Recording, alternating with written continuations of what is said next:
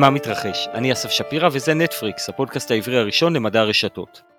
אחד מהדברים מעוררי ההשראה ששמעתי בהקשר של ניתוח רשתות חברתיות הוא מה שאמר מרק סמית, המייסד של תוכנת ניתוח הרשת NodeXL שכיסינו בפרק 22. ברעיונות שלו, מרק נוהג לשאול באופן רטורי. נניח שאנחנו מערכת של עיתון ושמענו על זה שיש עכשיו הפגנה של 50 אלף איש בכיכר. מה, לא נשלח צלם? אבל, הוא ממשיך, אירועים מהסוג הזה קורים כל הזמן ברשתות החברתיות. האם אנחנו מבינים מה קורה שם? לדעתי התשובה היא לא ממש, כלומר, למעט חשיפת פוסטים שערורייתיים פה ושם, המדיה הישנה לא באמת עוקבת אחרי מה שקורה, וגם אם כן, לא בטוח שהם באמת מבינים מה קורה. כאן נכנס לתמונה הניתוח הרשתי. הניתוח יכול לספק לנו לא רק צילום של האירועים, אלא גם זוויות ותובנות חדשות על מה שקורה. בניגוד למשל לתמונה של הפגנה, שבה נראה רק עדר של פרצופים, בעזרת ניתוח רשתי אנחנו יכולים להבין מה עומד מאחורי הפרצופים האלו ולתת תובנות על הקהל, למי הוא פונה, את מי הוא מהדהד ונגד מי הוא יוצא, מי הפרצופים המשפיעים ומי המושפעים. והאמת, זה נשמע כמו אחלה רעיון לפינה או מדור באתר חדשות. דוגמה אקטואלית לתובנות שניתוח רשתי יכול לתת לנו, אפשר למצוא ביחס למגפת אבעבועות הקוף, שמקרה ראשון שלה התגלה במאי 2022 בישראל. המציג אינו מומחה לאבעבועות או לקופים, למרות שיש לי פינה חמה בלב לשניהם, אה, זה גם לא משנה. מה שמשנה הוא איך אנשים מגיבים לסיפור החדשותי. בסוף, הציבור הוא הקליינט המרכזי של המגפה הזאת. אז הציבור לחוץ, או מזלזל. לפחות לפי טוויטר, נראה שאנשים לא אדישים לסיפור, כי ההאשטג monkeypox, לפחות נכון למאי 2022, הוא די טרנדי. אז אם האנשים לא אדישים, מה כן?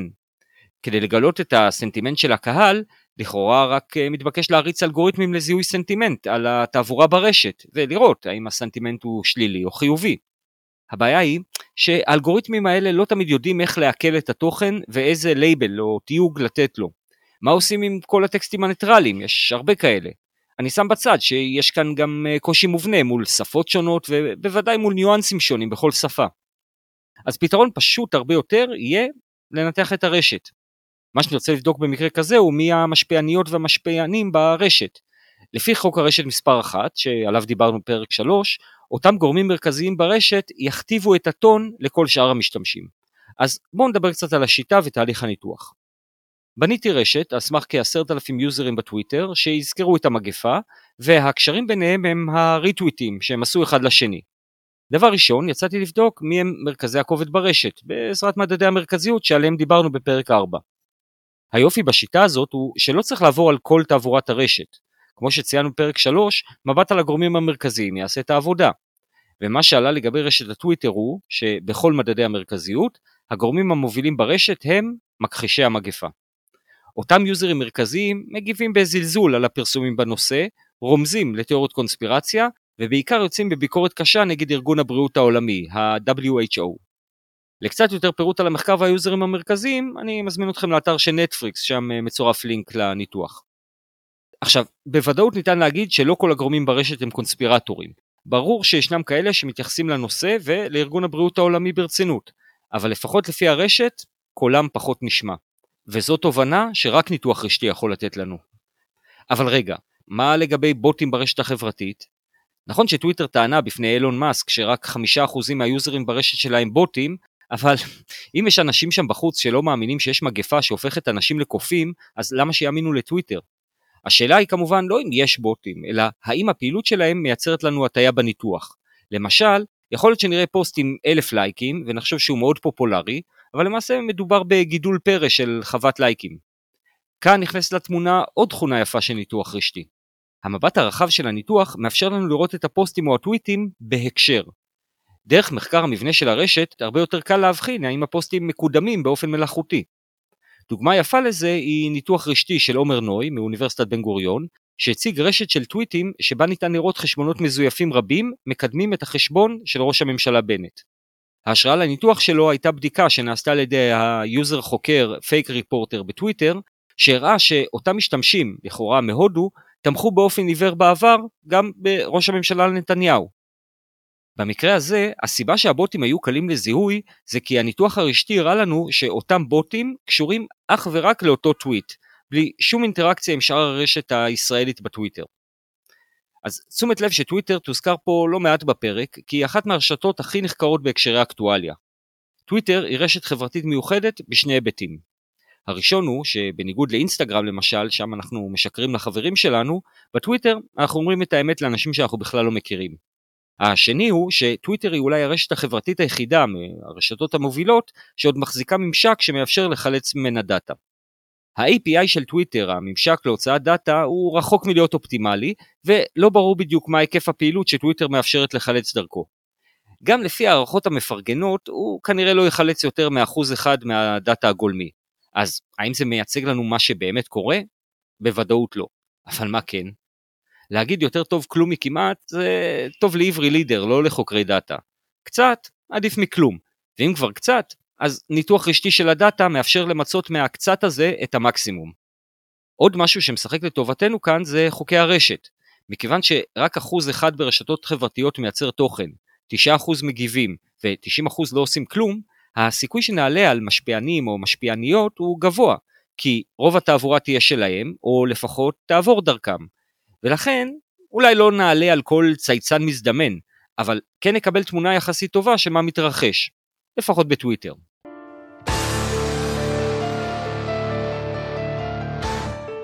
עוד רשתות חברתיות שזכו למחקרים לאחרונה הן הרשתות החברתיות של הימין בארצות הברית. הסיבה היא לאו דווקא הנכונות של אותן רשתות לשתף את הדאטה, כמו הנטייה של האקרים וחוקרים לנצל את פרצות האבטחה שם. הרשת החברתית אולי הכי מפורסמת בהקשר הזה היא פרלר, שפנתה לתומכי טראמפ, ובשיאה הגיעה כמעט ל-14 מיליון משתמשים. אבל בגלל כשלי אבטחה היא נפרצה לגמרי, ובשלב מסוים האפליקציה שלה הוסרה בגלל זה משרתים של חברות המיינסטרים. לא כל כך מזמן הושקו גם שתי רשתות חברתיות נוספות של הימין האמריקאי, אחת בשם Truth Social שהוקמה על ידי טראמפ, אבל נכון לעכשיו הרשת לא ממש ממריאה, בין השאר בגלל הרבה כשלים טכניים. כדי לעודד אנשים להצטרף, נראה שטראמפ יתחייב לפרסם בה באופן בלעדי. ואם אתם באמת מאמינים שטראמפ יעמוד בהתחייבות, נראה לי שאתם משתמשים פוטנציאליים לרשת. הרשת הימנית השנייה היא גטר, G-E-T-T-R, וגם היא לא נחשבת הצלחה מסחררת, למרות שהיא מבטיחה אפס צנזורה ואפס סינון תכנים. בינתיים, החופש שהיא מציעה מדיכוי נוצל על ידי המשתמשים כדי להפיץ המלצות על חומרי ניקוי כתרופה לקורונה, אבל בעיקר לצורך הפצה של פורנו קיפודים, ספציפית של סוניק, הקיפוד הכחול. הוותיקה מכולן היא כנראה הרשת החברתית של הימין הקיצוני בארצות הברית, האלט-רייט, שנקראת גאב, G-A-B, והיא הושקה ב-2016. הרשת זכתה לתשומת לב בעקבות הירי בבית הכנסת בפיטסבורג ב-2018, בגלל שהיורה פרסם בפוסט שרמז על הכוונות שלו. בנוסף, הרשת כנראה שימשה גם לתיאום הפריצה לקפיטול בינואר 2021, ומאז אותו אירוע הגדילה משמעותית את מספר החברים בה לכשלושה וחצי מיליון משתמשים. במקרה של גאב, חוקרי רשתות חברתיות זחלו על הרשת ב-2018 והצליחו לחלץ ממנה כ-22 מיליון פוסטים שעד היום משמשים כ data set למחקר רשתי. אחת מהחוקרות של אותו data set, דוקטור אה, נעמי ארנולד, שעוסקת במחקר של רשתות דינמיות, גילתה כמה דברים מעניינים על גאב, שכללה באותו זמן כ-170 אלף משתמשים. התגלית הראשונה שלה הייתה שכ-40% מהמשתמשים בגאב נטו לשוחח עם זרים. הכוונה כמובן לא למקסיקנים, אלא לכאלה שאינם חברים שלהם באפליקציה. בנוסף, היא מצאה שרכיב הכשירות המרכזי ברשת ההודעות בגאב מכיל בשעות הפעילות כ-60% מהרשת. מה זה אומר? אז נזכיר שרכיבי כשירות עליהם דיברנו בפרק 2 בפודקאסט הם אותם איים ברשת, כלומר החלקים ברשת שמחוברים רק לעצמם. כמו שאנחנו יודעים מאותו פרק, רכיבי הכשירות ברשתות מתפלגים זנב ארוך, כלומר אנחנו מצפים שברשת יהיה רכיב כשירות מרכזי גדול, ולצידו זנב ארוך של רכיבי כשירות קטנים, שרובם יכילו שני צמתים בלבד שמתקשרים אך ורק זה עם זה. ברשתות שהמבנה שלהן יחסית סטטי, כמו למשל ברשת החברויות בפייסבוק, אנחנו נצפה שרכיב הכשירות יהיה ענקי ממש ויכיל את רוב הקשרים ברשת, באזור ה-90%. בנוסף, אנחנו נצפה שהרכיב בעיקר יגדל עם הזמן, ומבחינת משתמשים יהיה יחסית סטטי, כלומר הם לא יברחו משם. ברשתות דינמיות לעומת זאת, אנחנו נצפה שהגודל של רכיב הכשירות יהיה קטן יותר, כי לאורך זמן צמתים יכולים גם לעזוב אותו. בהקשר של טוויטר, אז רכיב הכשירות המרכזי של הרשת הסטטית צפוי להיות חלק משמעותי מהרשת. כשאני מתכוון סטטי, אני מתכוון לרשימת היוזרים למשל שאנחנו עוקבים אחריהם. לעומת זאת, רכיב הכשירות של הרשת הדינמית בטוויטר, כלומר, נגיד למי אנחנו מגיבים, אמור להיות קטן יותר משמעותית וגם הרבה פחות יציב. מה שדוקטור ארנולד מצאה זה שרכיב הכשירות של ההודעות בגאב, כלומר החלק הדינמי של הרשת החברתית של האלט-רייט בארצות הברית, משתנה לאורך היממה. בשעות שבהן הפעילות יורדת, למשל בלילה, הרכיב מגיע לכ-30%, ובשעות הפעילות ל-60% בערך, באופן די קבוע. אז רכיב כשירות של רשת דינמית שמגיע רוב הזמן לאזור ה-60% מעיד לדעתי שמדובר ברשת די מגובשת. הייתי מצפה שברשת חברתית דינמית רכיב הכשירות יהיה קטן הרבה יותר, נגיד אצבע בפה 20%, כלומר הרבה פחות מזה של גב. בהנחה שהערכה מצוצה מהאצבע הזאת של 20% מקובלת עלינו, מה אנחנו יכולים ללמוד מזה? אז נראה שהימין הקיצוני הוא יחסית מגובש ואוהב להדהד את עצמו. וזה מזכיר קצת את מה שדיברנו עליו בפרק 13, שם דיברנו על כיתוב פוליטי ברשתות, ובהמשך לאותו הפרק, ההבנה שלי מהרשתות האלה היא שהזעקות על כיתוב מוגזמות קצת. כלומר, ברור שיש פערים בין ימין לשמאל, אבל הכיתוב המשמעותי הוא לא ביניהם, אלא בין הימין הקיצוני לכל השאר. נראה שהימין הקיצוני, מבחירה או כאילוץ, מצטופף בקהילה שלו ומופיע כמנותק יחסית מהשאר. למעשה, במקרה של גב, למשל, זה הגיע למצב שבו הימין הקיצוני בחר להתנתק פיזית מרשת המיינסטרים ולהקים רשת חדשה לחלוטין, וגם בה הוא משמר את הצפיפות שלו. מכאן שהעובדה שהרשתות האחרות של הימין, כמו truth social או getter, זה שהן לא מצליחות להתרומם, הוא לדעתי סוג של נייר לקמוס על הבדלי הגישה בין פעילי הימין לימין הקיצוני. בניגוד לקיצוניים, פעילי הימין עדיין מצביעים ברגליים לטובת רשתות המיינסטרים, כלומר, הם לא איבדו את האמון הבסיסי במערכת. לצד זאת, אה, קיימת התמרמרות שבאה לידי ביטוי בניסיונות להקים רשתות חברתיות אלטרנטיביות, אבל זה מרגיש יותר כאקט מחאתי ופחות כתפיסת עולם. גם בישראל הוקם חיקוי לרשתות הימין האמריקאי, אה, רשת חברתית בשם מייקי, ובדומה למקור, גם הניסיון הזה לא נראה שמתרומם כרגע. בין הסיבות לזה היא אולי שטוויטר, לפי המחקר של דוקטור אורן צור מאוניברסיטת בן גוריון, למעשה כבר נשלטת על ידי הימין בישראל, ולכן אין לפעילים מוטיבציה להחליף פלטפורמה. דוגמה לדומיננטיות של הימין ברשת הטוויטר בישראל, אפשר לראות בניתוח שעשיתי בעקבות פיגוע ירי בדיזינגוף ב-7 באפריל 2022, והקישור אליו זמין באתר.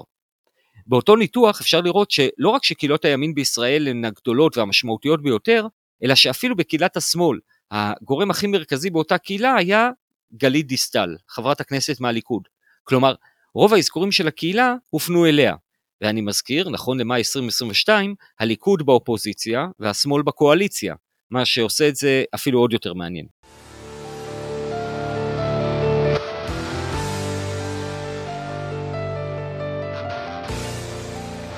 ניתוח רשתי הוא לא דבר מסובך, אבל הוא דורש מודעות וחשיבה רשתית. אני מאוד בעד פרסומים פופולריים של ניתוחי רשת, הם חשובים להעלאת המודעות והמורל, אבל צריך להיזהר מפרסומים כאלה שבהם הכותבת או הכותב מטבלים את הפרסום בוויזואליזציה של רשת שאולי נראית מאוד יפה וצבעונית, כמו שוקולד גדול בצורת ארנב, אבל כמוהו, מאכזבת וחלולה אחרי שמורידים את העטיפה. דוגמה לרשת כזאת היא הרשת שהפיץ מייקל ג'נסן ממרכז המחקר לטרור של אוניברסיטת מרילנד. ג'נסן ניסה להבנות רשת של קשרים בין הפעילות והפעילים שהואשמו בפריצה לקפיטול ב-6 בינואר 2021. המאמץ הוא ללא ספק ראוי, ומבט מהיר על הרשת מייצר לכאורה תמונה מרשימה מאוד. הרשת מכילה 244 פעילים, והיא נראית יחסית צפופה, ולכאורה מוכיחה כמה הדוק היה התיאום בין הפעילים. אבל כשמתחילים לקלף את הסיפור ולרדת לעומק העניין, העסק מתחיל להיפרם. קודם כל, הוגשו כ-800 כתבי אישום במסגרת חקירת הפריצה, ורק כשליש מהם מופיעים במיפוי הרשתי של ג'נסן. עכשיו, נניח שהסיבה היא קושי בגישה לדאטה, וניתן לג'נסן לענות מהספק, פה זה לא הבעיה. אבל כשבוחנים את הקשרים לעומק, מגלים שיש ברשת שני סוגי קשרים. קשרים אישיים, שאלו הקשרים שנחפש לראות האם היה תיאום, וקשרים מסוג חברות בארגון. קשרים מהסוג הזה הם רופפים יותר, ולא בהכרח מוכיחים הרבה. אמנם הארגונים שמופיעים ברשת נחשבים קיצוניים, בזה אין ספק, אבל לצד זאת, זו עובדה שלא כל החברים בארגון הואשמו בקנוניה. מכאן שחברות באותם ארגונים, לפחות מבחינת המשפט האמריקאי, היא לא תנאי לשותפות בקונספירציה. ואפרופו קונספירציה, ג'נסן תייג ברשת את הצמתים או הפעילים שכתב האישום שלהם כולל קשירת קשר. בדיקה מדוקדקת של הרשת מראה שיש קשרים בין חלק מהצמתים האלה, אבל רובם לא כל כך קשורים אחד לשני, לפחות לא לפי הדאטה סט שהוא הביא. אז אני חייב להגיד שזה קצת מביך, כי נראה לי שהתנאי הבסיסי לקשירת קשר הוא שיהיה קשר. אז ההטייה של האנשים שהגיבו בהתלהבות לפוסט של ג'נסן הייתה כי הם התמקדו בקשרים שהוא כן סימן, אבל התעלמו ממה שלא נמצא שם, וזה טבעי. קל לנו להתייחס למה שאנחנו רואים ולא למה שאין. בכל מקרה, אני מקווה שלגורמי אכיפת החוק בארצות הברית יש מודיעין רשתי טוב יותר ממה שלג'נסן היה להציע.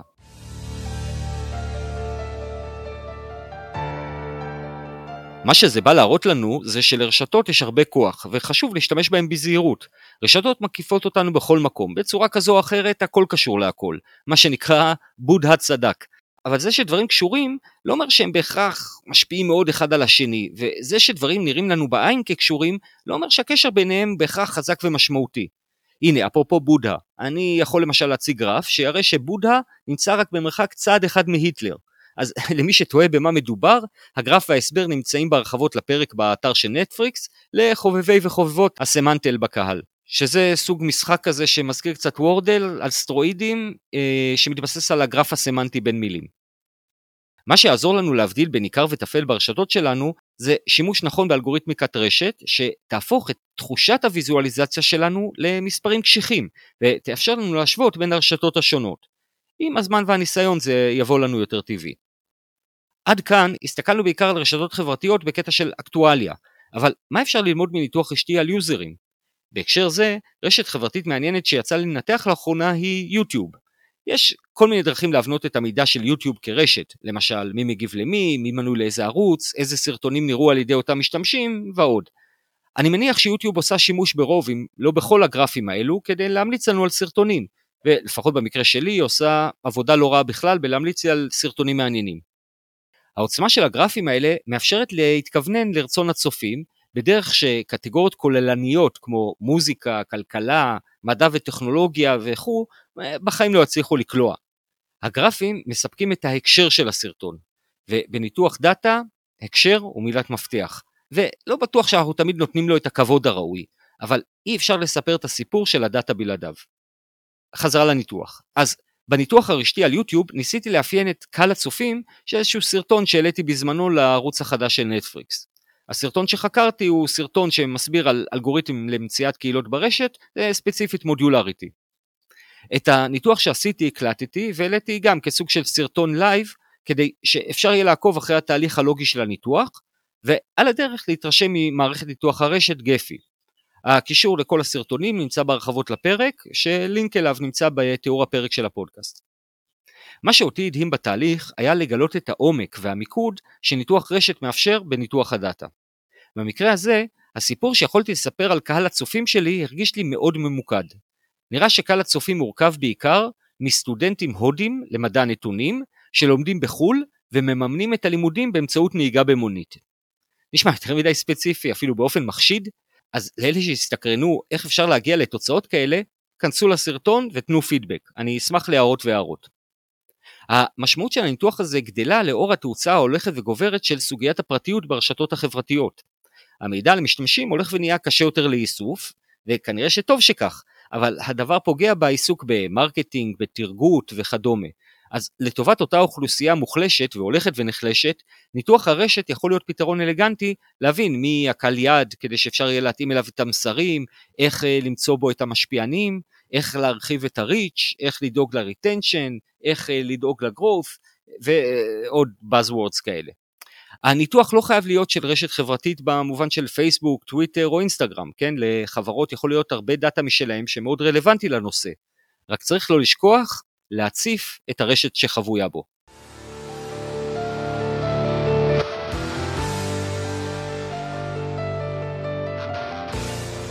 בהרחבות לפרק צירפתי תמונות וכישורים לניתוחים מעניינים נוספים של רשתות חברתיות, הקשרים של פוליטיקה ואקטואליה. מכל רשת יש מה ללמוד, לא רק תובנות על הדאטה והמציאות הפוליטית, אלא גם על השיטות וכלי המחקר. ועכשיו, כמובטח, מגוון ביקורות מרחבי המרשתת. ישנה המלצה מפתיעה נטפריקס מאתר ידיעות אחרונות, שם כתב אסף יערי. זאת אחת הדרכים החדשניות והמרתקות להבין את העולם, אז איך זה שאתם עדיין לא מומחים במדע הרשתות? נטפריקס, הפודקאסט של אסף שפירא, יכול לתקן את זה.